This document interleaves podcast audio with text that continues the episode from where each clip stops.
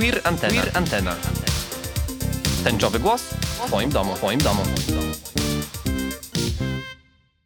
Drogie osoby, drodzy słuchacze i drogie słuchaczki. Ja nazywam się Mateusz Bzówka, a to jest Queer Antena. Tęczowy głos w Twoim domu.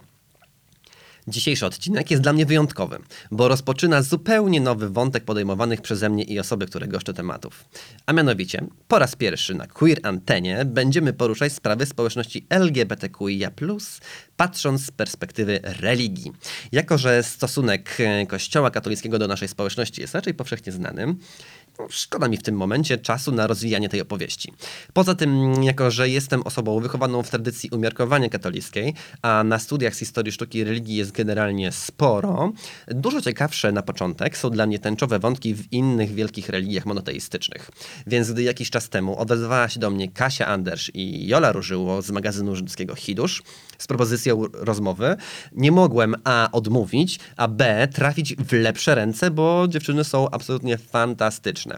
Na propozycję rozmowy przystałem więc z ogromną radością bo historia i kultura żydowska od zawsze były dla mnie szalenie interesujące, a przy tym stosunkowo niewiele o nich wiem. Przyczynkiem do naszej rozmowy jest zbliżające się niebawem jedno z najbardziej radosnych świąt w kalendarzu hebrajskim, czyli święto Purim, czyli żydowskie święto losów. Kochani i kochane, zakładamy zatem queerowe okulary, jemy tradycyjne purimowe ciastka w kształcie, uwaga, cipek i siadamy do czytania hebrajskiej Biblii, bo jak mówił RuPaul, reading is fundamental, a zatem, drogie osoby, zolzain amechaje, czyli miłego odsłuchu.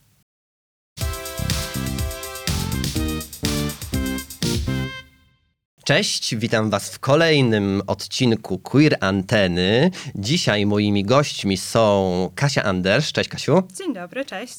oraz y, Jola Różyło, cześć Jolu. Cześć, bardzo mi miło. Y, Jak się macie? Jak się macie w ten y, sobotni dzień, bo nagrywamy w sobotę y, 20 lutego. E, Dobrze, cieszę się, że mogę się z Jolą wirtualnie spotkać, dlatego że Jola utknęła na wyspach i e, nie widziałyśmy się dawno, więc teraz możemy pokonwersować o Biblii razem. Tak, ja jestem w Londynie, który jest zamknięty, ale jest bardzo ładna pogoda, świeci słońce, więc myślę, że dzisiaj pójdę sobie na jakiś miły spacer. Zazdroszczę w takim razie, bo dzisiaj pogoda w Warszawie jest no, chyba raczej A śred, nam cały średniawka. śnieg spływa. No właśnie, mamy ogromną, jak się to nazywa? Odwilż, o, Odwilż. odwilż. No, odwilż, no, może w kontekście naszej rozmowy też odwilż się pojawi. Dzisiejszy temat rozmowy to związki religii żydowskiej oraz ym, LGBTQIA+. Przyczynkiem do naszej rozmowy jest zbliżające się niebawem święto Purim, zatem może zacznijmy od tego.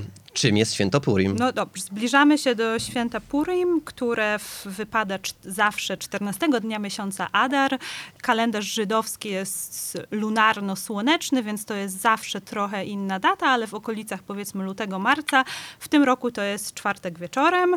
I to jest taki karnawał żydowski, najprościej mówiąc, który upamiętnia wydarzenia opisane w Księdze Estery. Księga Estery to jest ostatnia z ksiąg, która weszła do, do Tanachu, czyli do, została uznana za kanoniczną część tej Biblii hebrajskiej. Biblia hebrajska składa się z Tory, Neviot, czyli pism proroczych i Ketuvim, czyli pism i właśnie jedną z jej 24 części jest Księga Estery.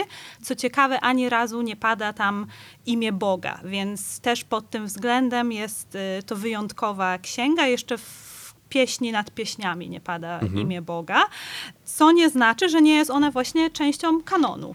I dlaczego to jest tak bardzo wyjątkowe w tym przypadku akurat? Księga Estery opowiada o wydarzeniach, które miały miejsce w starożytnej Persji i generalnie pierwsze w skrzypce, tu już tak nawiązując do tematu naszego spotkania i tych tematów que- queerowych, gra w niej ukryta tożsamość i maskarada, która doprowadza do tego, że Estera, czyli protagonistka księgi, e, ratuje cały naród żydowski przed zagładą, więc to jest taki bardzo fajny motyw. No i przede też opowieść o tej kobiecej sile. Estera ratuje naród żydowski, e, mówiąc kolokwialnie, przez łóżko, tak? bo zostaje żoną króla Ahaswerosza.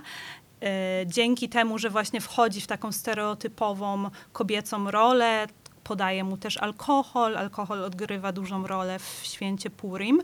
A stara żona króla Ahasverosza, ona z kolei kwestionuje tą swoją kobiecą rolę. Kiedy król prosi ją o tańczenie nago przed zgromadzonymi gośćmi, ona się buntuje przeciwko temu i nie wykonuje tego rozkazu.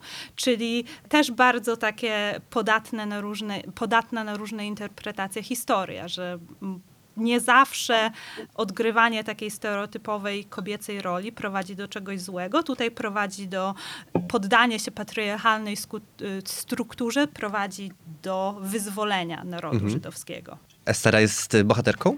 To na jej cześć tak naprawdę jest y, to święto, czy święto jest y, na cześć czegoś innego? Tak, przede wszystkim chyba gdzie na jest ten ciężar? Tego, Chodzi mi o to, gdzie jest że, ten ciężar. Że udaje się pokonać wroga i udaje się ocalić naród żydowski przed zagładą. Tak naprawdę chyba to jest i dlatego też to święto jest takie radosne, bo e, cieszymy się, że udało nam się pokonać złego Ahasferosza i wszystko dobrze się kończy. A dodatkowo jest jeszcze Estera, która jest tą wielką kobiecą postacią, która sprawia, że to wszystko um, no, jakoś dochodzi do skutku.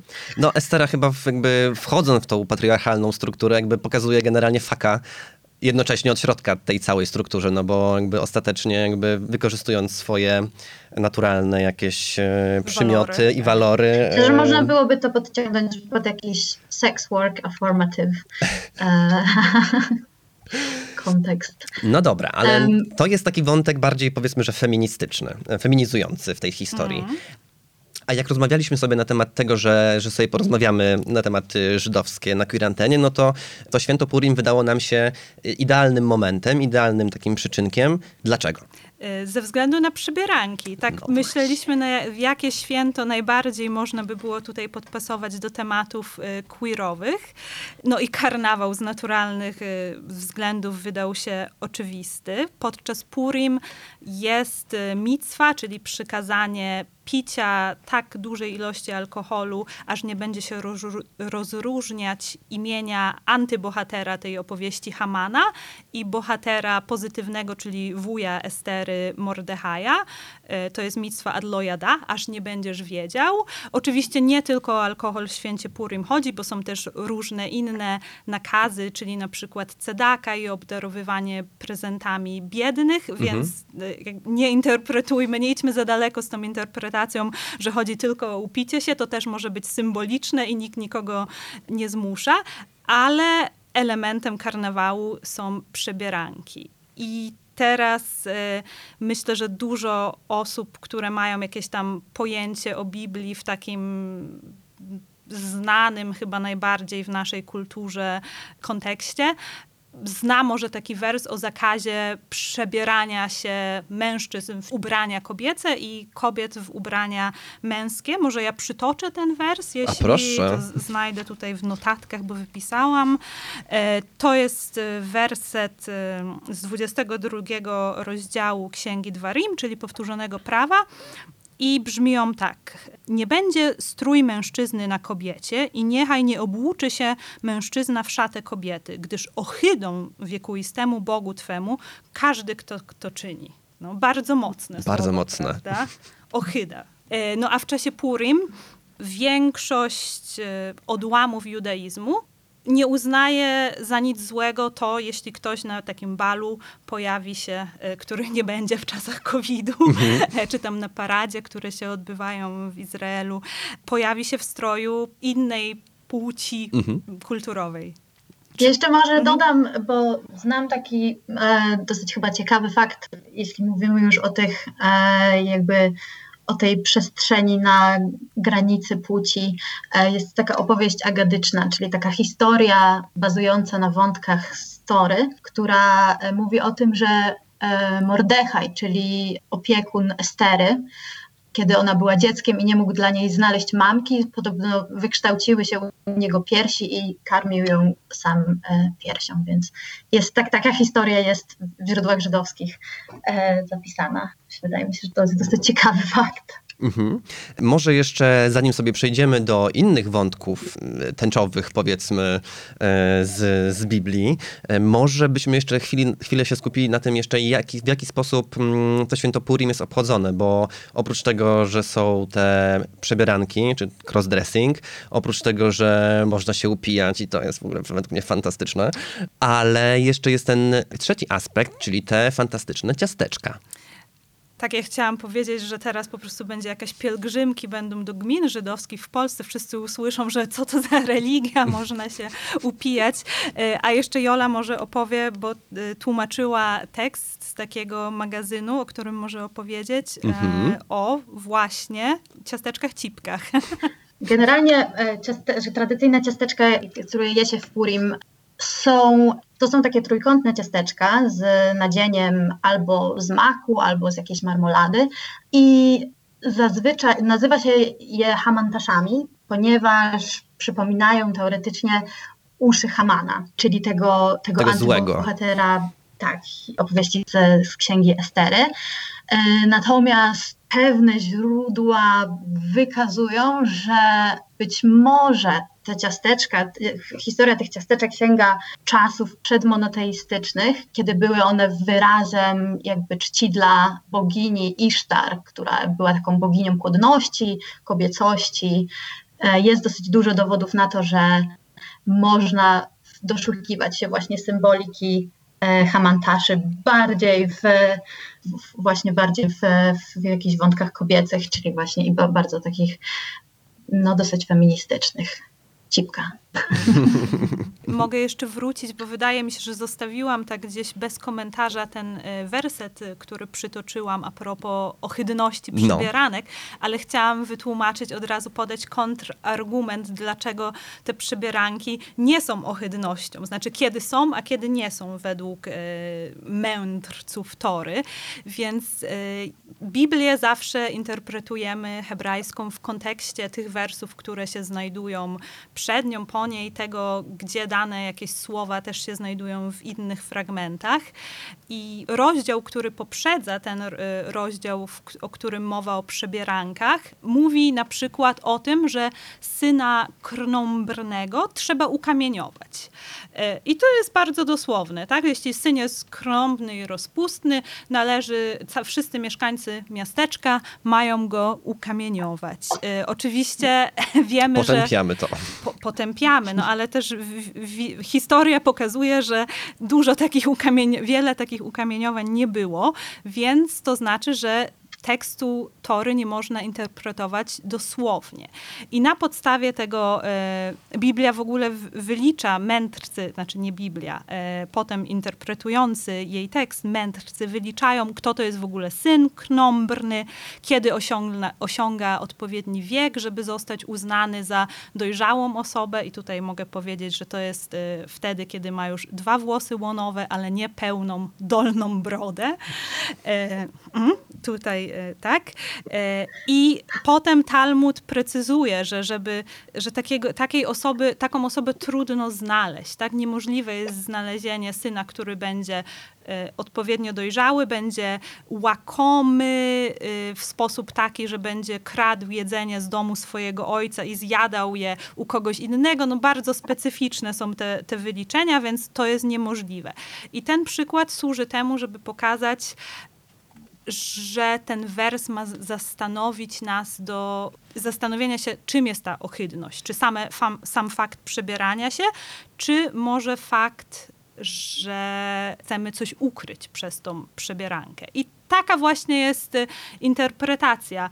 E, dlatego, że na pewno mędrcy tutaj się jednogłośnie e, zgadzają, że na pewno Boga nie boli to, że ktoś sa, sam fakt przebierania się, to by była jakby zbyt prosta rzecz, ale kiedy na przykład przyświeca temu zamiar podszycia się pod czyjąś tożsamość albo zatajenia swojej tożsamości, popełnienia grzechu cudzołóstwa, wtedy to rzeczywiście jest ohydą, ale jeśli sprawia nam to przyjemność, a jeśli mówimy o osobach na przykład trans, to jest po prostu życie zgodne z ich na naturą i sprawia im to przyjemność, jest to jak najbardziej dozwolone. I wręcz y, rabini współcześni, którzy, y, których komentarze publikujemy w, w Hiduszu, z komentarze z książki Tora Quiris, mówią, że to jest właśnie bardzo ważne, podążanie za swoją własną tożsamością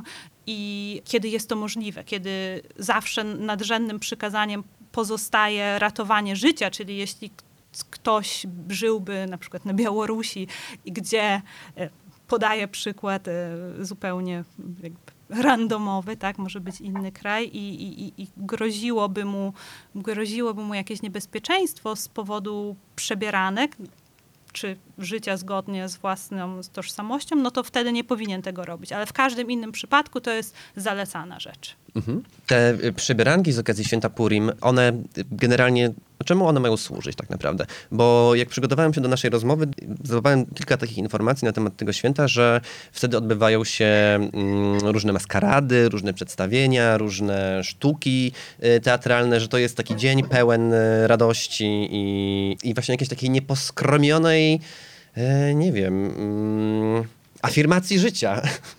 Tak, i też odwró- odwrócenia sensu. Nie wszystko jest na odwrót. Kobieta jest mężczyzną, mężczyzna jest kobietą. Normalnie zachowujemy umiar w jedzeniu i piciu. Tutaj możemy pić do w zasadzie tak nieprzytomności. I jeść cipki. I Jest cipki. Słuchajcie, bo może y, to był błąd, że nie powiedziałem tego na początku, ale obie ym, jesteście ym, związane z magazynem y, żydowskim Hidusz i w spektrum zainteresowań obu z was są jakby rzeczy, są zagadnienia, które no, na pierwszy rzut oka niekoniecznie y, kojarzą się z tematyką stricte żydowską.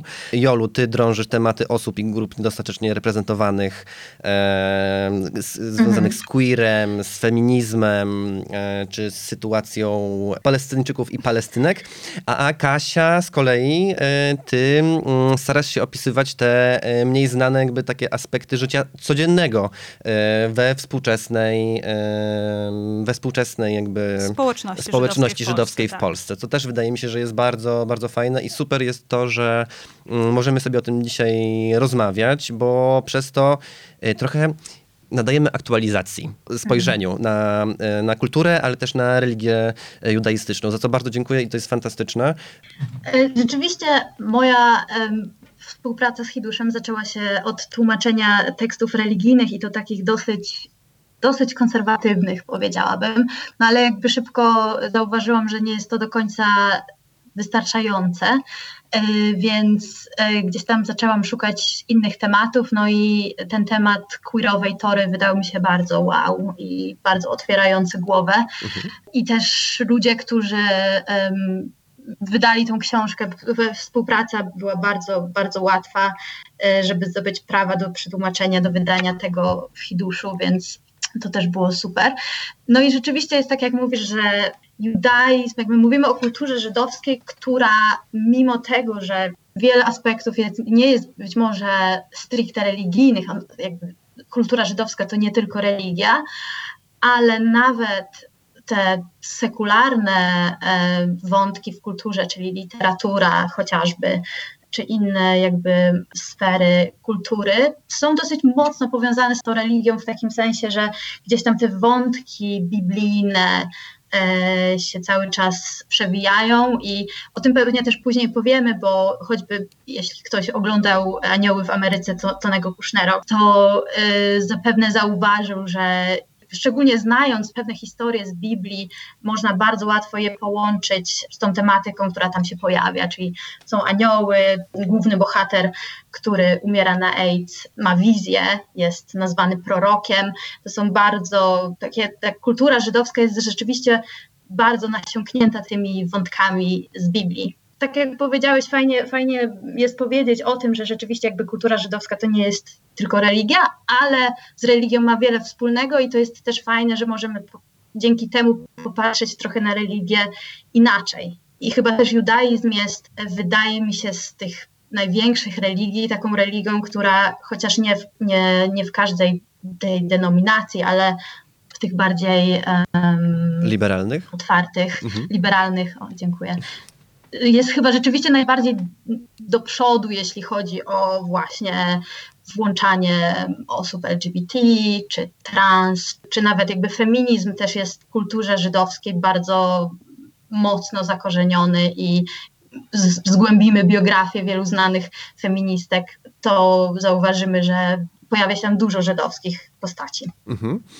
Mm, a z czego to wynika, że... Mm, a, przepraszam, bo coś chciałaś powiedzieć Ja wcześniej. chciałam do dwóch rzeczy do, y, odnieść się do tego, co Jola powiedziała. Chciałam jeszcze dodać, że już w 78 roku w Stanach Zjednoczonych y, pierwszy rabin tylko denominacji konserwatywnej albo liberalnej, na pewno nie ortodoksyjnej, y, dokonał coming outu. I to była osoba związana też z, y, z historią Harveya Milka, którego mhm. znamy z filmu Obywatel Milk. Y, ten rabin się nazywał Alan Bennett, on, on żyje w dalszym ciągu, ma jakieś 70 lat i w 78 roku, kiedy była ta sprawa prawa, przeciwko któremu walczył Milk, czyli temu, żeby osoby homoseksualne nie mogły nauczać w kalifornijskich szkołach publicznych. Mhm jakiś jego kolega namówił go na wywiad w gazecie i dokonanie coming outu, żeby pomóc tej całej sprawie. No i tym samym stał się pierwszym rabinem, który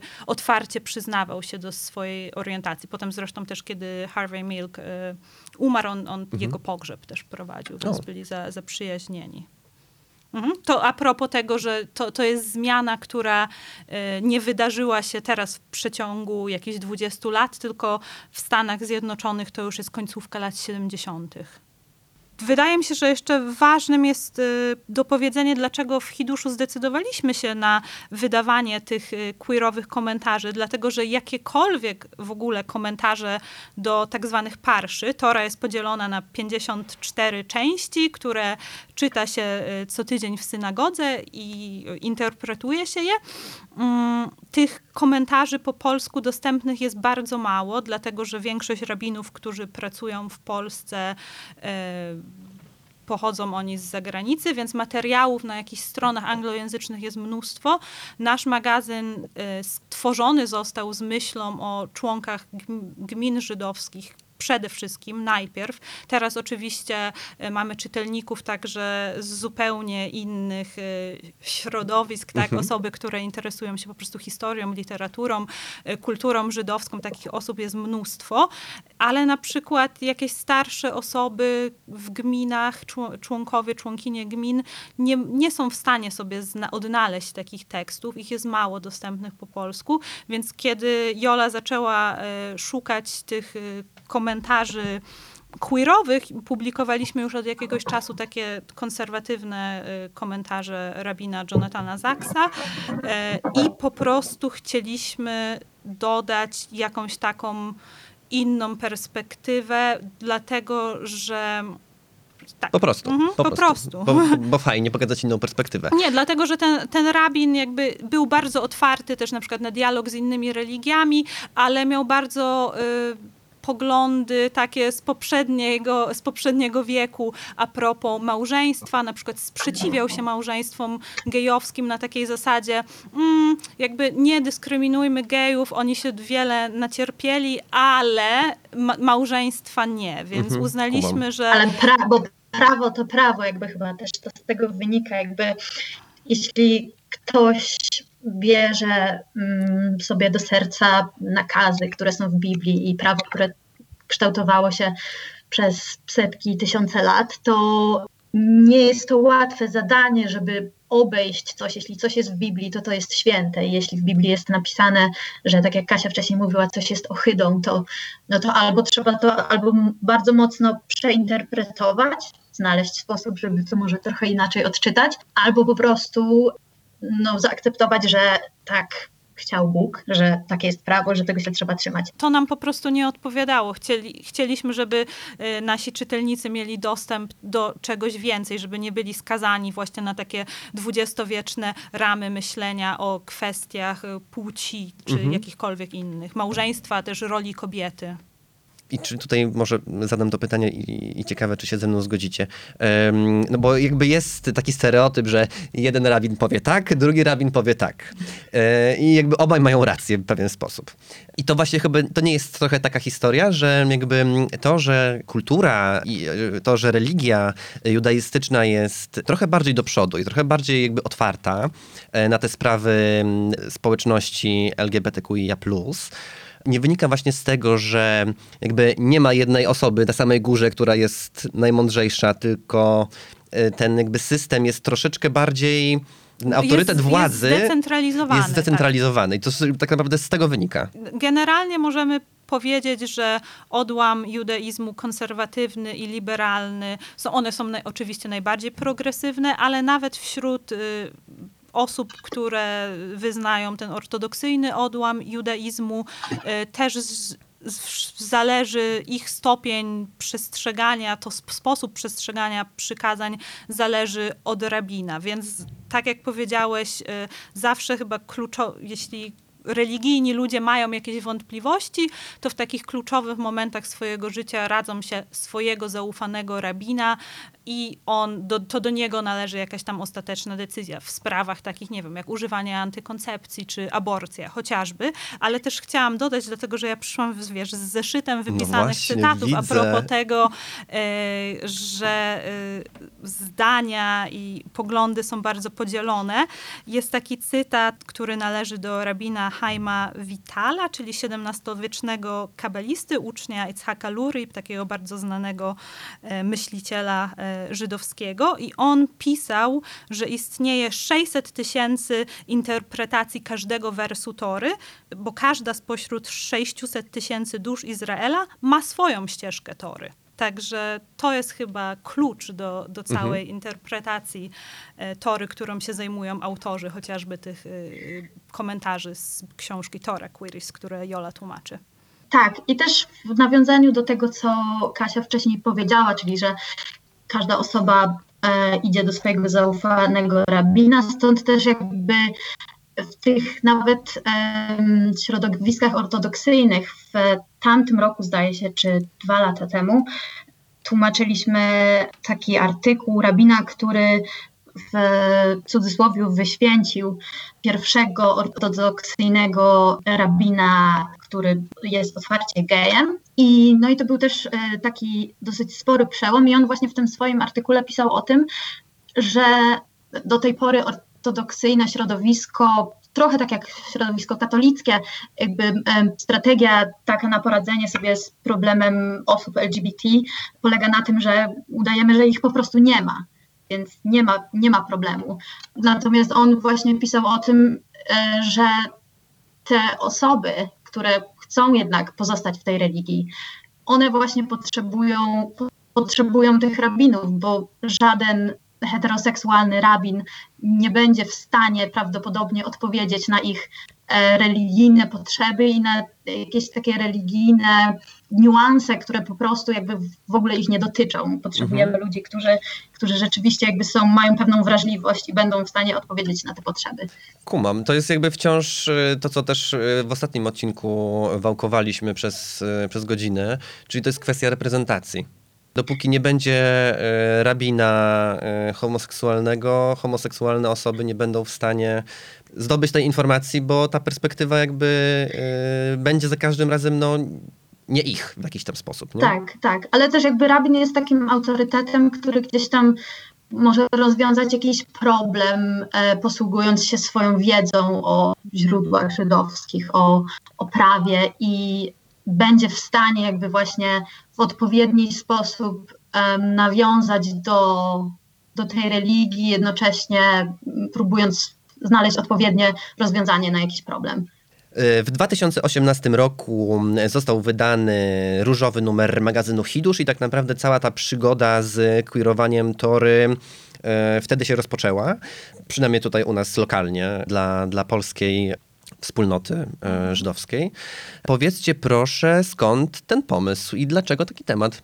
To ja nawet mam przy Hmm. sobie ten różowy numer historyczny, tutaj podebrałam koleżance. Mhm, super. I to był czerwiec 2018 roku, więc od prawie trzech lat, tak, wychodzi na to, że Mm. y, Jola tłumaczy Tak, tak. te komentarze i nie wiem, na ile jeszcze nam starczy ich. Mhm. I już jesteśmy chyba pod koniec tego cyklu. Wydaje mi się, że chyba w tym roku em, skończymy tłumaczenie tego cyklu. Mhm. I co znaczy tak naprawdę, jak wygląda ten proces queerowania Tory jeszcze? Bo mm, Okej. jak sobie myślę e, o tym, co to znaczy queerując Tory, no to jakby próbujemy właśnie założyć takie trochę queerowe okulary i czytamy ją na nowo.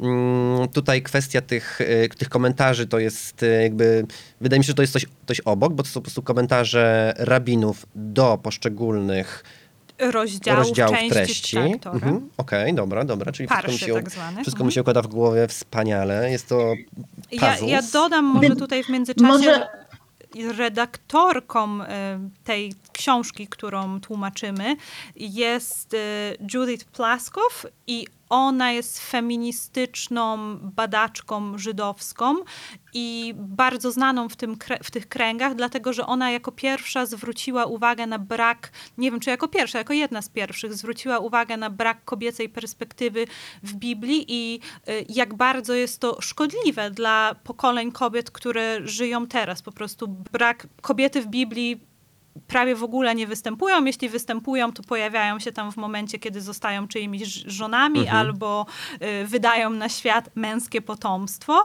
I myślę, że to była taka naturalna ścieżka dla niej jako badaczki, żeby właśnie zebrać, y, poszerzyć jeszcze bardziej ten nawias gdzieś tam o, y, skoro możemy poszerzyć go perspektywę kobiecą, której jakby tak na pierwszy rzut oka nie ma w, w torze, no to możemy też o inne Mhm. perspektywy. Też inne, inne Ale mniejszości. Jola, ty chciałaś Mhm. jeszcze coś powiedzieć przede mną.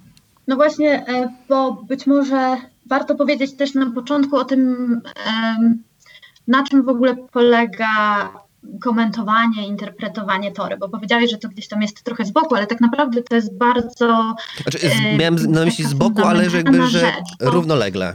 Komentarze, interpre- interpretowanie tory, które jest e, takim zjawiskiem, które w zasadzie kontynuowane jest od 2000 lat po tym, jak została zburzona świątynia jerozolimska i ten, to centrum rytuału żydowskiego. Przeniosło się, e, zaczyna się, zaczyna się okres diaspory i Żydzi nie są już nie mogą już odprawiać swoich rytuałów w świątyni, więc jakby to, ten, ten akcent przenosi się właśnie na, na to słowo Boże, nazwijmy je tak. I jakby ten proces komentowania i interpretowania cały czas tory, który cały czas trwa, jest w pewnym sensie procesem takiego przystosowywania tego świętego tekstu do bardziej współczesnych e, Realiów. realiów. E, no i też jakby i, i to queerowanie tory jest, jest kolejnym etapem tak naprawdę przystosowania tak naprawdę tej religii i prawa religijnego, halachy do, do współczesnych e, realiów. I też chyba warto wspomnieć, że jakby gdzieś w połowie XIX wieku to zaczyna się, jakby ten akcent przenoszony jest z tych historii biblijnych, które są tak naprawdę dosyć, dosyć czasami brutalne, czasami dosyć dołujące, e, na doszukiwanie się bardziej, bardziej wątków związanych ze sprawiedliwością społeczną. Czyli jakby patrzenie na Biblię i dostrzeganie w niej elementów, które raczej pozwolą nam być może trochę naprawić nasze społeczeństwo, trochę jakby dać ludziom wskazówki do tego, jak być em, dobrym sąsiadem, dobrym człowiekiem i po prostu dobrze funkcjonować e, we współczesnym społeczeństwie. To też nie dzieje się tylko w judaizmie, bo mm, Martin Luther King też jest przykładem takiego działania. No i jakby od tego, od tego przeniesienia akcentu na bardziej sprawiedliwość społeczną, potem następuje ten, następuje fala feminizmu i, i przez właśnie bardziej feministyczne e, okulary zaczynamy patrzeć e, na tory. Tutaj właśnie e, Judith Plaskow, tak jak Kasia powiedziała, jest jedną z takich autorytetów. No i teraz i teraz otwieramy się trochę na, e, na coś więcej. Dlatego myślę, że można to porównać trochę, jakby to kurowanie tory, czym ono jest, trochę do badań choćby nad literaturą, czyli właśnie odkrywania kobiecych, queerowych głosów, dostrzegania pewnych elementów, które gdzieś być może wskazują na to, że, że ta narracja nie jest do końca taka, taka męska, taka patriarchalna, jak nam się wydaje. Jakby znajdowanie małych, takich małych smaczków, które pozwolą nam gdzieś tam popatrzeć, popatrzeć trochę inaczej. Chciałam dodać, że też warto podkreślić, że Tora nigdy nie jest czytana dosłownie w zasadzie. Są cztery poziomy interpretacji okay. Tory, które określa się takim akronimem PARDES, czyli y, raj po hebrajsku i ten poziom najprostszy, przad, y, w zasadzie nigdy nie jest używany. Potem dwa kolejne poziomy, remes i drasz i jeden z nich polega na tym, że szukamy wskazówek do tej treści, która mogłaby być ukryta pod tym dosłownym znaczeniem. Poziom drasz, czyli szukanie podobnych może słów, podobnych kontekstów w, innym, w innych częściach Biblii. I na sam koniec poziom taki mistyczny, sod, tajemnica po hebrajsku, y, który no, jest dostępny tylko dla największych cadyków, e, nawet dla może wielkich interpretatorów i wielkich rabinów y, też nie jest dostępny, bo wymaga wyjątkowej y, pobożności. Więc e, wchodząc na któryś z tych poziomów, można dojść, dojść do interpretacji, które nie są widoczne na pierwszy rzut oka. Mm, no dobra, no to w takim razie mm, powiedzcie proszę, ile na temat seksualności, czy tych tożsamości e, różnych, różnistych i życia osób nieheteronormatywnych e, mówi Tora? Nieheteronormatywnych i, i hmm. niecis.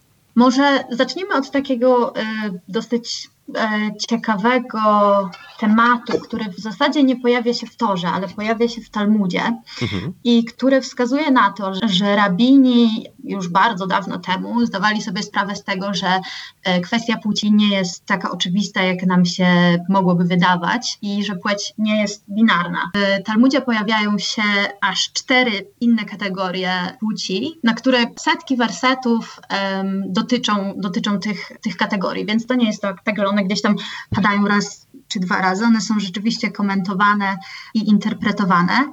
Pierwszym i chyba takim najbardziej, taką najbardziej znaną kategorią jest kategoria androgynosa. To jest osoba, która ma cechy fizyczne kobiety i mężczyzny. Mhm. Mhm. Tak, tak, Jola? E, tak, tak, tak, dokładnie. I, jest, I co mówią, e, co mówią rabini o tym, jak powinna być traktowana taka osoba, czy powinna być traktowana jako mężczyzna, czy jako kobieta?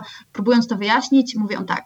W niektórych przypadkach traktowany jest jak mężczyzna, w niektórych przypadkach jak kobieta, w niektórych przypadkach jak mężczyzna i jak kobieta, w niektórych przypadkach ani jak mężczyzna, ani jak kobieta. To nam pokazuje, że, że ta kategoria jest tak naprawdę bardzo szeroka i bardzo, bardzo, bardzo łatwo się w nią wpisać, jakby rabini nie, zdecydowanie nie, nie dzielą kategorii płci na dwa, mm, na dwa mhm. um, obozy. elementy, dwa obozy. obozy. I drugą kategorią jest y, kategoria tum-tum, to są osoby o niewidocznych lub niewykształconych genitaliach. Jest jeszcze kategoria Eilonit, czyli kategoria męskiej lub bezpłodnej kobiety i kategoria Saris, czyli kategoria bezpłodnego mężczyzny. To musimy podkreślić, że to mhm. jest wszystko występuje naprawdę powszechnie w Talmudzie setki razy, tak jak Jola już powiedziała, więc to nie jest coś, co zostało nagle teraz odnalezione, mhm. to zawsze tam było, więc to rozumienie płci przez judaizm było o wiele szersze niż nasze takie powszechne, mainstreamowe zrozumienie y, jest w tym momencie. Mhm. No właśnie, ale to jest w takim razie pytanie zostające jakby cały czas w tym temacie, e, żebyśmy za daleko też nie odbiegli, nie odbiegły. Czy te kategorie, o których teraz e, opowiadałyście, czy one funkcjonują tak w, w takiej codzienności religijnej? Czy to jest jakaś taka rzecz, która bardziej jest jak się zagłębisz i jak się dokopiesz, to to wiesz, ale nie jest w takim mainstreamie duchowości. Wiecie o co mi chodzi? To są kategorie na pewno, które dla kogoś, kto studiuje em, żydowskie teksty, są znane. Mhm. My znamy je, bo studiowałyśmy judaistykę na studiach. To naprawdę nie jest coś, co- co- czego trzeba się bardzo, bardzo dużo doszukiwać. To jest być może coś, co przez niektóre osoby będzie zignorowane, ale to jest coś, co jest powszechnie znane I- dla kogoś, kto, kto zna mm, żydowskie teksty mniej więcej. Są odłamy judaizmu, które tą rzeczywistość, y, mimo że jest opisana w Talmudzie, czyli po prostu podstawowym tekście, ignorują. Ja czytałam ostatnio i przeprowadzałam wywiad z pierwsz, osobą uznaną za pierwszą transrabinkę.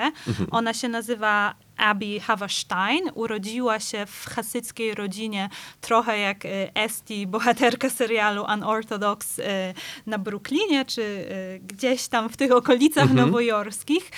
I wychowała się w takiej zupełnie tradycyjnej rodzinie z czternaściorgiem rodzeństwa, wykształciła się na rabina i te tematy w jej jeszywie były ignorowane. Y, One w ogóle nie istniały. Po prostu te fragmenty były pomijane i uczniowie skupiali się na, jak, na innych fragmentach. Jednocześnie też była taka obsesja popadania w kobiece role. Ona opisuje na przykład to, kiedy wyjechała do jeszywy za Nowym Jorkiem i brała prysznic. Ktoś zauważył, że ma jakiś żel pod prysznic, daw czy coś takiego. E, I on został uznany za zbyt kobiecy, bo mężczyźnie nie przystoi takimi pachnącymi specyfikami się traktować. Także wszystko mogło być uznane za zbyt kobiece, a y, dyrektor tej jesz, nawet zalecał, żeby chłopcy kąpali się po prostu raz w tygodniu, bo jeśli są zbyt pachnący, no to są zbyt kobiecy. Więc te tematy były ignorowane. Ona pierwszy raz, kiedy zaczęła odchodzić trochę od swojej religijności i kupiła sobie jakiegoś tam iPada y, i zaczęła szukać, nie wiedziała nawet jak szukać informacji o tym, jak się czuje, bo ona zawsze wiedziała, że jest kobietą i nie wiedziała, jak to nazwać. y, I dopiero w- i pierwsze hasło, które wpisała gdzieś tam w toalecie, ukrywając się z tym iPadem, było właśnie, y, chyba wpisała po angielsku tak boy turn into girl, czy coś takiego. Na piechotę. Tak, tak, no. Ciekawa super historia. Skąd w ogóle ją e, wy? Skąd ją Teraz znalazłaś? jest taka trochę moda, mam wrażenie, na e, historię o osobach, które odeszły z tego ultraortodoksyjnego świata. E, no i ta książka bardzo dobrze się wpisuje. On, ta dziewczyna, ona mniej więcej w naszym wieku jest, odeszła kilka lat temu, w, jeszcze jako jeszcze żyjąc w tej społeczności, została właśnie dostała ordynację rabinacką, zdążyła wyjść, e, ożenić, zdążyła się ożenić i nawet spłodzić syna. E, I potem jakoś dwa lata po tym zaaranżowanym małżeństwie odeszła z tej społeczności i znalazła, ona właśnie znalazła i pr- przeszła tranzycję już y, tam powoli to ona opisuje. Jakby książka nie jest y, genialna, więc y, na razie nie ma jej tłumaczenia po polsku, ale ciekawy jest ten proces, y, jak ona wychodzi ze społeczności i zaczyna ubierać się w kobiece ubrania i jest akceptowana i też znajduje synagogę, która właśnie specjalizuje się w takich przypadkach jak jej.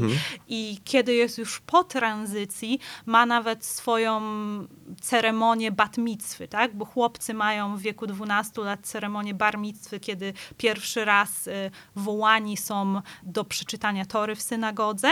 Ona ją oczywiście miała jako, jako dziecko y, i potem kilka lat po tej tranzycji ma kolejną ceremonię, która ją ominęła, y, czyli bat mitzwę już jako, jako kobieta. E, Abi Haverstein jest uznawana za pierwszą transrabinkę i nie wiem, czy są jakieś inne osoby, y, które są w jej sytuacji, być może jest jedyna.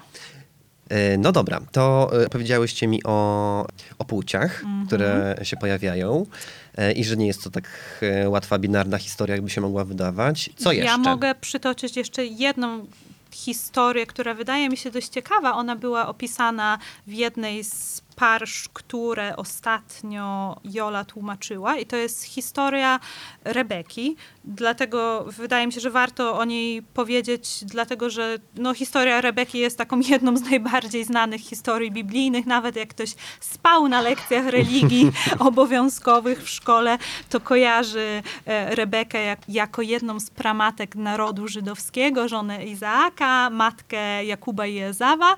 I historia o tym, jak ona została wybrana na żonę Izaaka. I w skrócie Abraham wysłał swojego sługę, żeby znalazł taką usłużną, dobrą niewiastę dla swojego 37 już letniego w tym momencie syna.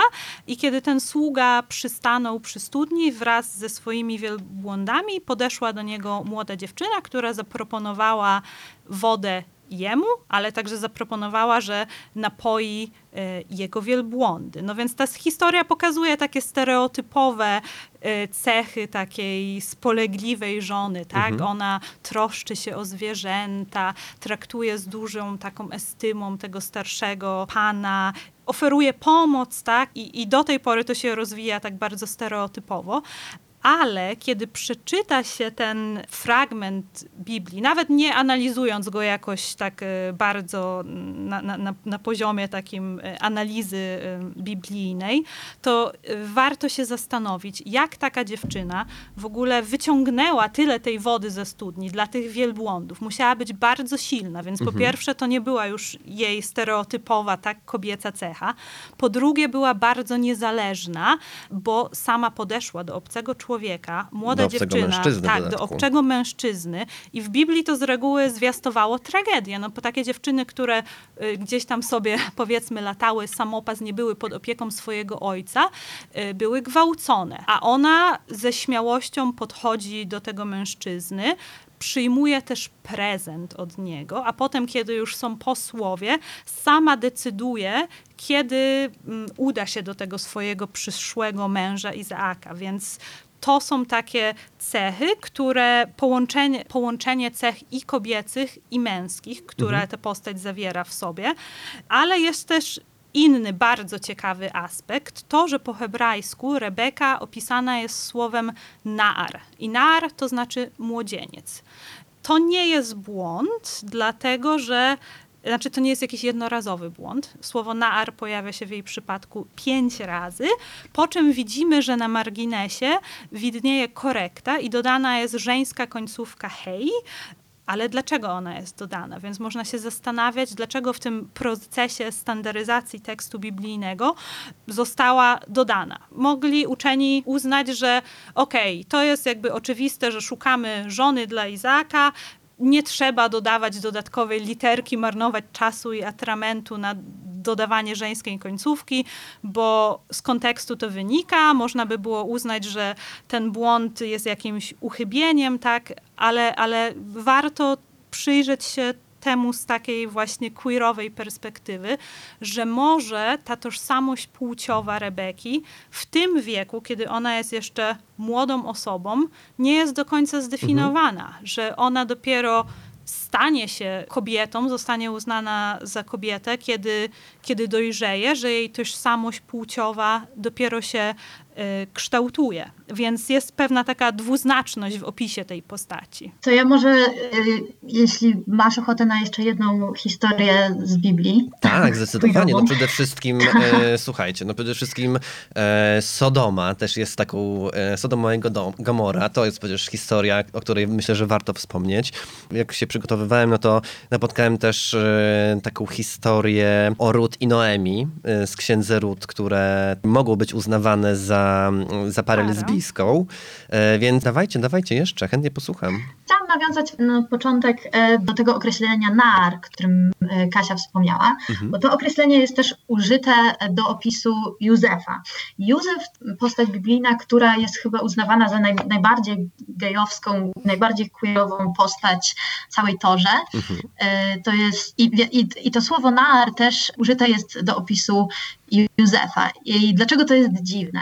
E, Dziwne jest to dlatego, że w momencie, kiedy, w momencie, kiedy właśnie his- kiedy Biblia opisuje tą historię e, Józefa, on ma 17 lat, więc w czasach starożytnych jest to raczej już osoba dorosła. Więc nie ma tak naprawdę powodu em, do tego, żeby, żeby nazywać Józefa Naar. Z kolei e, jest też kilka innych elementów opisu e, Józefa, które wskazują na to, że jest on dosyć postacią femini, fe, feminizowaną, powiedzmy. W jednym komentarzu czytamy, że Józef zachowywał się jak chłopiec, malował oczy, kręcił włosy i unosił piętę. Cały czas powtarzane jest to, jak pięknym e, mm, chłopcem był Józef. Natomiast e, m, historia Józefa jest dosyć tragiczna, bo jest on najmłodszym e, z braci. Jego ojciec darzy go wyjątkową miłością i wyjątkowym przywiązaniem i obdarowuje go też specjalnym płaszczem, płaszczem wielu kolorów. I tutaj chyba też jest nam znany dosyć do, dobrze musical Fantastyczny płaszcz Józefa w Technikolorze? Chyba tak, nie, nie pamiętam dokładnie tłumaczenia Mhm. tego tytułu. W każdym razie Józef e, jest faworyzowany przez swojego ojca, jest dosyć sfeminizowaną e, postacią, jest dosyć wyjątkową, wyjątkową i, i dziwną. Po angielsku queer, Mhm. dziwny jakby tutaj też w interpretowaniu Biblii dosyć, dosyć ważne jest zwracanie uwagi na pewne słowa, które się powtarzają, pewne określenia, które mogą nabierać innych znaczeń. Jest on zawsze gdzieś na uboczu, jego bracia, ponieważ są zazdrośni, wrzucają go do dołu. Zanim to się dzieje, Józef opowiada im o swoim śnie, w którym e, widzi snopy siana, które mu się kłaniają i jakby w tym, w tym momencie jakby interpretacja, mm, jego bracia widzą to tak, że Józef się wywyższa nad nimi, uważa, że jest kimś lepszym, dostaje swój specjalny kolorowy płaszcz, wrzucają go do dołu, a później sprzedają do niewoli. No i jakby e, interpretacja queerowa historii Józefa jest taka, że ten snop przede wszystkim widziany jest e, jako pewien faliczny symbol, więc Józef odwraca w pewnym sensie heteronormatywną hierarchię, w której on jest tak naprawdę najmłodszym synem, więc tym najmniej ważnym, Mhm. natomiast jest jakby wy- wy- wyniesiony trochę na piedestał. E, Jego bracia są zazdrośni, bo on pokazuje swoją męską wyższość i w, ten sposób i dlatego też zostaje wrzucony do dołu, który w tej queerowej interpretacji jest jakby przeciwieństwem, jest jakby anty, antyfalicznym symbolem. W kolejnym etapie tej historii on zostaje kupiony przez Potifara, którego żona próbuje go uwieść, natomiast Józef nie zgadza się na to i ucieka i to jest też widziane w pewnym sensie jako taki hint, że Józef być może nie do końca jest hetero, bo Mhm. wielu mężczyzn w Biblii odmawia seksu kobiecie. No takie, takie, taka biblijna rzeczywistość. Według jednego komentarza e, Potifar, e, czyli ta osoba, która kupuje Józefa mm, jako swojego niewolnika, napisane jest tak. Potifar kupił Józefa dla siebie, ale stąpił Gabriel i wykastrował Potifara i przyszedł Gabriel i okaleczył go, bo choć oryginalnie imię jego brzmiało Potifar, później zmienione zostało na Potiferę. Więc to jakby kolejny wątek, Wątek. Mhm. homoero, homoerotyczny się Mhm. pojawia.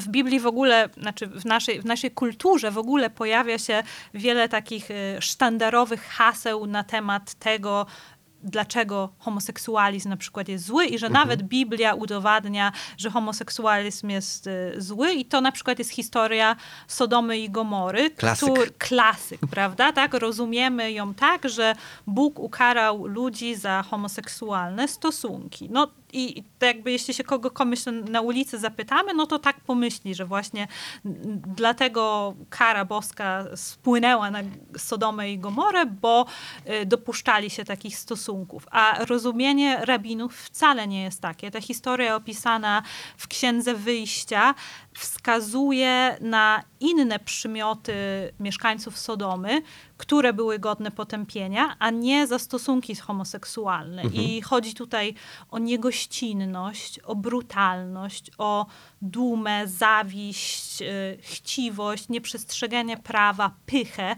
Oni byli znani z tego, że Sodoma była bardzo dobrze prosperującym miastem i oni nie chcieli przyjmować do, do, do swojego środowiska, do swojej społeczności osób, które były inne niż oni, czyli wykazywali się zupełnym brakiem to, tolerancji, nie wpuszczali żebraków. Jest taka legenda, która mówi o tym, że kiedy ktoś przychodził z prośbą o jałmużnę do Sodomy, oni dawali, mieszkańcy dawali monety oznaczone swoimi inicjałami, a jednocześnie informowali wszystkich sprzedawców chleba, żeby nie, nie pozwolić na zakup tymi monetami. I kiedy po trzech dniach taki żebrak umierał, to po prostu podchodzili do jego ciała i zabierali te swoje monety. Więc to jest ten główny grzech, który oni po popełnili. Chciwość, brak jakiejkolwiek takiej empatii względem inności,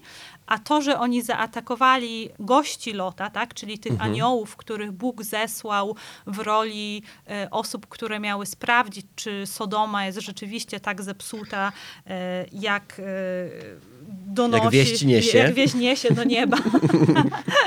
Mieszkańcy Sodomy wtedy tak zapukali do e, mieszkania, mieszkania, ziemianki może jakiejś, nie wiem, e, Lota i domagali się poznania tych aniołów, posłańców, poznania w sensie biblijnym, czyli no po prostu obcowania płciowego z nimi. I też kiedy Lot zaproponował w zamian swoje córki, oni się na to nie zgodzili, więc wiadomo, że chodzi o stosunki seksualne. Ale tak jak powiedziałam, nie chodzi o potępienie w tym fragmencie y, Tory mhm. samych stosunków homoseksualnych, ale właśnie tego stosunku do obcego Ciekawe to jest. Y, trochę z, y, zmieniło. Tak, oni stworzyli taką jakby strefę dla mm -hmm. bez biedaków, tak? Jak są strefy mm -hmm. bez LGBTQ, no. to oni stworzyli sobie jakieś takie miasto, które po prostu uznawało tylko jedną właściwą opcję osobowości. Mm -hmm. Brzmi to jak jakaś taka, jakiś taki mokry sen konserwatywnych, tutaj jakichś brunatnych, brunatnych koszul. Mm. Dobra, czy mamy jeszcze jakieś e, historie, o których e, warto by było wspomnieć? Wydaje mi się, że warto e, byłoby chyba zahaczyć o ten niesławny wers z Biblii, który jest jakby taką, takim przykazaniem, które jest zawsze podstawą do tego, żeby zdyskwalifikować związki homoseksualne. I to jest zakaz księgi kapłańskiej mówiący: Nie będziesz obcował z mężczyzną tak, jak się obcuje z kobietą, to jest obrzydliwość. Tutaj znowu to słowo obrzydliwość, które wcześniej nam się pojawiło, um, znowu się pojawia. Mhm. E, I jakby problematyczność tego wersu jest taka, że on, na niego zawsze powołują się autorytety religijne, które um, nie akceptują homoseksualizmu, bo jest on bardzo jasny, klarowny, nie ma tutaj żadnych wątpliwości. Jest napisane dokładnie o co chodzi, jakby problem autorytetów religijnych polega na tym, że trudno, no, trudno doszukiwać się tutaj innego znaczenia. Biblia mówi, że tak nie wolno i przy tym zostajemy. Natomiast nawet ci ortodoksyjni rabini, którzy już trochę otwierają się bardziej na społeczność LGBT, powołują się z kolei na mm, taki koncept e, Nishtanaha Teva, czyli zmiana natury, i polega to mniej więcej na tym, że halacha powinna odzwierciedlać, jakby odpowiadać na nowe, na rzeczy, które, których się dowiadujemy, na, na rozwój cywilizacyjny. I na przykład, kiedy w Biblii zalecone jest stosowanie jakichś leków, które dzisiaj wiemy, że, że są szkodliwe, powołujemy się na ten koncept Nisztana Hatewa. I właśnie też w przypadku tego, tego wersetu, który jest taką ostoją tak naprawdę homofobii, w religii.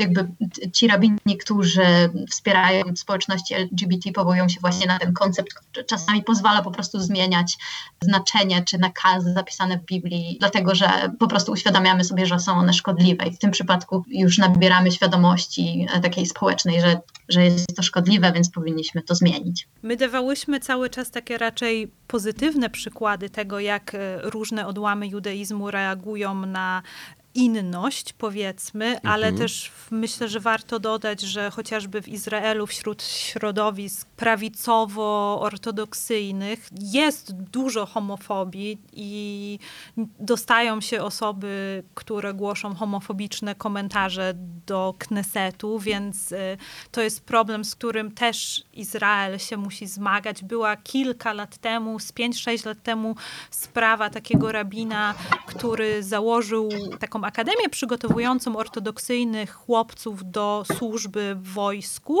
więc generalnie zrobił bardzo dużą, dobrą rzecz, bo y, dobrze jest, żeby to całe społeczeństwo tak, integrowało się w wojsku. Izraelczycy się buntują, dlaczego y, ci, którzy y, po prostu studiują Torę, nie służą państwu, ale okazało się, że ma bardzo homofobiczne poglądy. W dodatku wygłosił je w momencie tuż przed rocznicą zamordowania takiej dziewczyny 16-letniej. Ona się nazywała Shira Banki i została zasztyletowana podczas Parady Równości w Jerozolimie. To było w 2000 albo 2015 roku, tak mi się wydaje, przez ortodoksa, który wyszedł z więzienia po odbyciu dziesięcioletniej kary za usiłowanie podobnego zabójstwa. I dlatego też to było tak bolesne w odczuciu opinii publicznej. Więc y, taki mit tego, że Izrael, czy szczególnie Tel Awiw No jest właśnie, no takim właśnie. rajem dla gejów i po prostu wszyscy chodzą tam za rączkę. To z jednej strony oczywiście to jest w pewnym stopniu prawda, bo wielu gejów ubrało sobie Izrael, Tel Awiw jako taki cel pielgrzymek, chodzenia do klubów, tak, no atmosfera temu sprzyja, plaża, jest ciepło cały czas, nie wiem, pewnie podobną równością cieszą się osoby niehetero, y, chociażby w Sztokholmie, ale może klimat nie sprzyja tak bardzo jak w Tel Awiwie. I Izrael bardzo chwalił się tym, że Urząd Miasta partycypuje w kosztach parad równości i tak dalej, i tak dalej. No bo to też jest taki trochę aspekt, może nie tyle pinkwashingu, co takiego troszeczkę też rainbow washingu, co nie? Że to jest taki...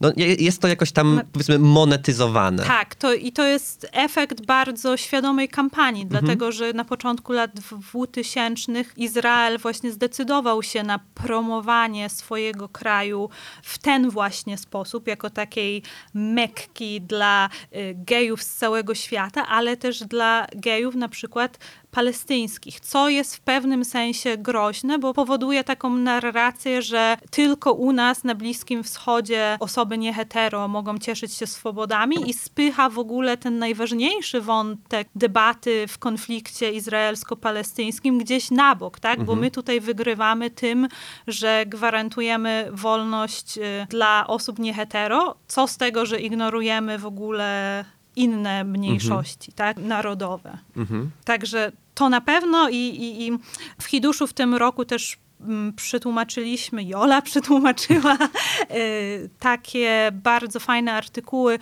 a znanego amerykańskiego żydowskiego architekta Michaela Sorkina. On zmarł w zeszłym roku jako jedna z pierwszych ofiar y, pierwszej fali korony, y, ale on był zaangażowany bardzo w konflikt izraelsko-palestyński i jakieś takie zastosowanie architektury jako środka, który może zaradzić temu konfliktowi albo potęgować go.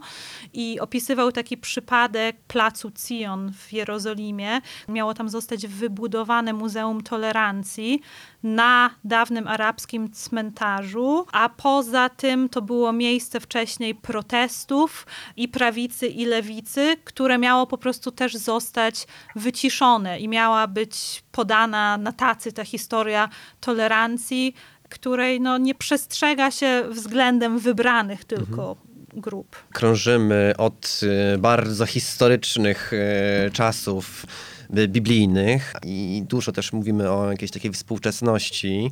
Tutaj lawirujemy między tematami. E, Mam nadzieję, że nie wpłynie to jakoś specjalnie na, e, na trudny odbiór naszej dzisiejszej rozmowy. Po prostu wątków jest bardzo dużo. Wszystkie są bardzo interesujące dla mnie i cały czas tutaj będę jeszcze coś tam drążyć. E, Powiedzcie mi proszę, jak wygląda ogólnie sytuacja osób nieheteroseksualnych i niecyspłciowych we współczesnym judaizmie? Czy można mówić o jakichś tendencjach?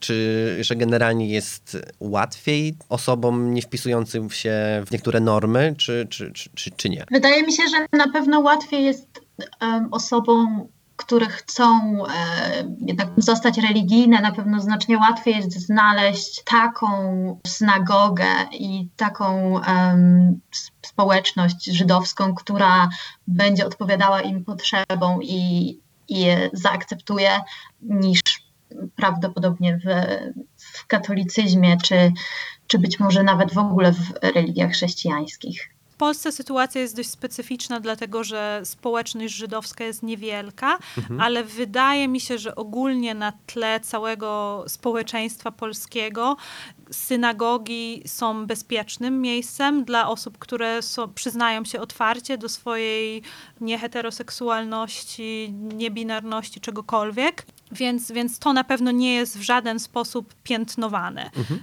Y, oczywiście problem tkwi w tym, że nie masz takiego wyboru jak za granicą, to nie można nawet porównywać, no mhm. ale to nie wynika z kwestii takich kwestii nietolerancji.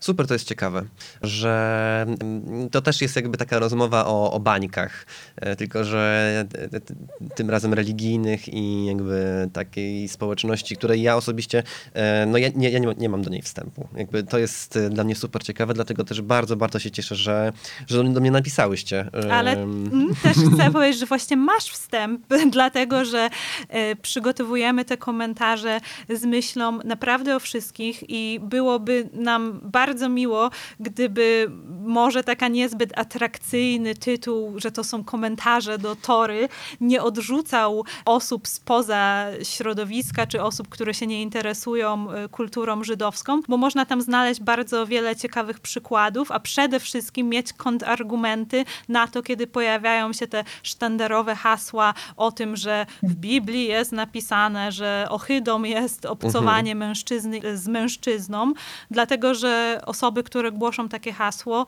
prawdopodobnie czytały po prostu tłumaczenie Biblii i z reguły tłumaczenia mają to do siebie, że nie są dokładnie, nie oddają treści oryginału, a w przypadku języka hebrajskiego jest to tym bardziej ważne, że e, jest on na tyle specyficzny i te rdzenie słów hebrajskich, które, które mogą być wspólne dla wielu słów i nasuwają jakieś tam interpretacje od razu, to jest bardzo ważne, żeby wiedzieć o tym. I wymaga to wielu lat studiów, żeby posłużyć się jakimkolwiek przykładem i nie można tak sobie szastać takimi zdaniami po prostu. I jeśli my te nasze, my komentarze z książki Tora Quiris publikujemy póki co tylko na piśmie, ale wydaje mi się, że y, część z nich opublikujemy. Na tak, na tak, w piśmie. W piśmie, w tym magazynie. Nie, to nie my. Y, publikujemy na papierze, y, ale też jeśli ktoś będzie słuchał tego podcastu i może, może do nas napisać i z zapotrzebowaniem na opublikowanie może jakichś kilku ciekawszych w internecie, to chętnie to zrobimy, żeby szersza y, publika miała e, Jasne, no i wtedy koniecznie mi tak. też wyślijcie, to ja tutaj będę udostępniać w moich kanałach. Um... No i też jakby e, jeszcze tylko dodam, że mhm. um, te komentarze do Tory nie są, nie są, to nie jest jedyny queerowy wątek, który się pojawia w Hiduszu, bo, bo rzeczywiście pisaliśmy o żydowskich rytuałach poaborcyjnych, na przykład ostatnio pisaliśmy o tym, kiedy wymyślono heteroseksualizm. E, jakby rzeczywiście ten komentarze do Tory są, jest to dosyć hermetyczna, hermetyczna tematyka.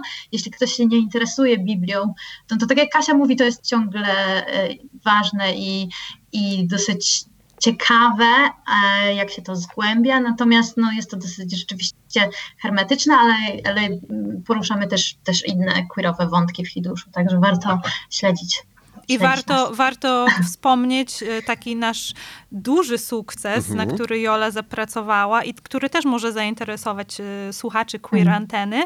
To jest tłumaczenie sztuki Tonego Kushnera, który w Polsce jest znany przede wszystkim z Aniołów w Ameryce, a mhm. teraz mhm. Jola może coś więcej powiedzieć o, o swoim tłumaczeniu, swojej pracy. Tak, zdecydowanie. Proszę, tak. opowiedz Jolu.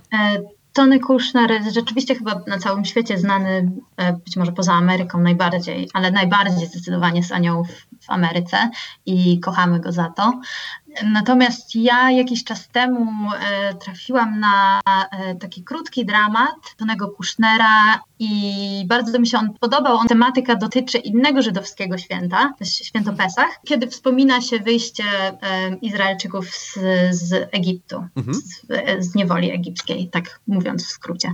I udało nam się rzeczywiście nawiązać e, kontakt z agentką Tonego Kushnera, udało nam się zdobyć prawa do przetłumaczenia tego dramatu. E, tak naprawdę historia tego mm, tłumaczenia jest dosyć śmieszna, bo przetłumaczyłam go jako prezent urodzinowy dla naszego e, redaktora naczelnego. Mhm. Tak naprawdę wtedy, wtedy to nie był jeszcze, nie, nie, nie był to jeszcze zamysł wydawania tego, ale uznaliśmy, że Tony Kushner jest, jest po prostu genialnym, genialnym dramatopisarzem. Dramat jest śmieszny, krótki i jeśli ktoś chciałby mm, trochę poszerzyć swoją wiedzę o twórczości Tonego Kushnera, to, to bardzo polecamy. Pod koniec marca powinien się ukazać Hidusz tłumaczeniem e, tego dramatu. Mhm. A o czym jest sama sztuka? Możesz coś zdradzić?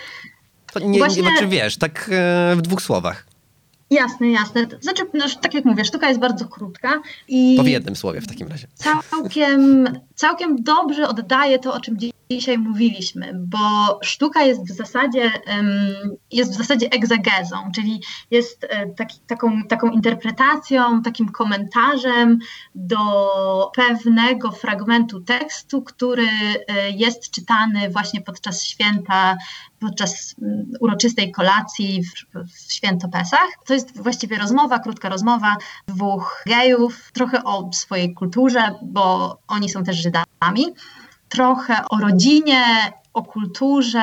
Ciężko, ciężko mi powiedzieć, żeby nie powiedzieć za dużo. Rozumiem, rozumiem. E, ale, bo to jest naprawdę bardzo krótkie, więc e, jeśli, myślę, że jeśli, jeśli znajdą się, jeśli słuchają nas fani Tonego Kushnera, to, to to powinien być, powinna być wystarczająca zachęta, żeby, e, żeby sięgnąć po Hidusz. I to też jest jakby przybliżenie w pewnym sensie tej kultury żydowskiej, bo Tony Kushner bardzo dużo czerpie w swojej twórczości z kultury żydowskiej. Teraz jeszcze tak sobie myślę o tym, co ja bym mógł od siebie dorzucić, jakby do tego, do tego worka e, różnych popkulturowych historii związanych e, z jakimś moim doświadczeniem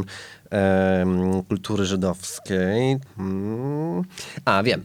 Chyba w 2010 roku wyszedł film e, Oczy szeroko otwarte e, w reżyserii Haima Tabakmana, który opowiada właśnie historię dwóch gejów, którzy wywodzili się z bardzo mm, ortodoksyjnego środowiska, z tego co pamiętam. Z tego, co pamiętam, ta ak- akcja, oglądałam ten film, ale tak jak mówisz, też prawdopodobnie dekadę temu. Jego akcja rozgrywa się chyba w Jerozolimie. Mhm. Ten film bardzo tak akuratnie oddaje rzeczywistość em, społeczności ultraortodoksyjnej Haredi e, w Izraelu czy w innych em, miejscach, gdzie jest duża diaspora żydowska, dlatego że tam homoseksualizm jest tematem tabu, co nie znaczy, że go nie ma, Mhm. ale jest wręcz taka obsesja homoseksualizmu. To znaczy, jeśli chłopcy studiują w jeszywie, to w każdej w zasadzie obowiązują przepisy, żeby nigdy nie zostawali oni z drugim kolegą za zamkniętymi drzwiami. E, Więc ta atmosfera taka ciężka wisi w powietrzu i oni, no, no to jest bardzo ciężkie, tak, bo żyją w bardzo opresyjnym środowisku i muszą się gdzieś wymykać i mają świadomość tego, że to, co robią jest złe, no bo tak jak chyba wspominałam wcześniej, mimo że te wszystkie wątki pojawiają się w torze, nie są one dogłębnie studiowane w takich środowiskach bardzo ortodoksyjnych, więc y, no, często prowadzi to do, do tragedii, do samobójstw i jeśli komuś uda się odejść z takiej społeczności, to na pewno nie jest to, to łatwa decyzja. To znaczy, to, to nie odbywa się na zasadzie takiej jak w serialu e, Unorthodox, No że mamy cudowną historię tego, jak ktoś odchodzi jednego dnia i drugiego dnia znajduje grupę przyjaciół, świetnych ludzi w Berlinie, którzy tak nie biorą tej dziewczyny za jakąś totalną dziwaczkę, bo ona się tam zachowuje bardzo dziwnie, ale zaczynają się nią opiekować. Tak to nie wygląda, bo ludzie, i, i to zostało udowodnione w wielu socjologicznych pracach, które powstały na ten temat, ci ludzie, kiedy odchodzą z takiej społeczności, są bardzo narażeni na różnego rodzaju przemoc, także seksualną, na wykorzystanie, dlatego że y, no, oni nie znają takiego świata, jaki my znamy, więc nawet y, jakieś takie oszustwa finansowe i tego typu kwestie, to są rzeczy, z którymi oni się borykają. Ja nawet nie pamiętam zakończenia tego filmu, oczy szeroko zamknięte, Ja ale on się nie. chyba sobie od- dobrze nie kończył. Też mi się tak, wydaje. Muszę sobie go Tam odświeżyć. nie, tam, nie, tam nie było happy endu. Tam nie było happy endu. No dobra, ale my kończymy happy endem.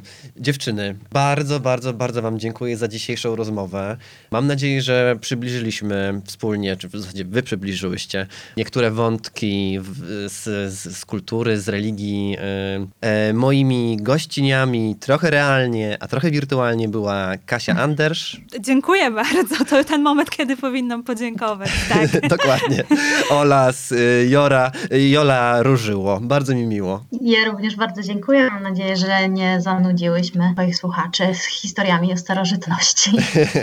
Wiesz, tam jest troszeczkę zawsze pieprzu w tych opowieściach, więc myślę, że... To, to nas ratuje, prawda? To Że nas ratuje, pada dokładnie. słowo seks od czasu do czasu. I Dobra. cipka. I cipka. Kochane, w takim razie już teraz naprawdę kończymy. Dziękuję wam pięknie za dzisiejszą rozmowę. Do Dziękujemy usłyszenia. bardzo. Dziękujemy bardzo.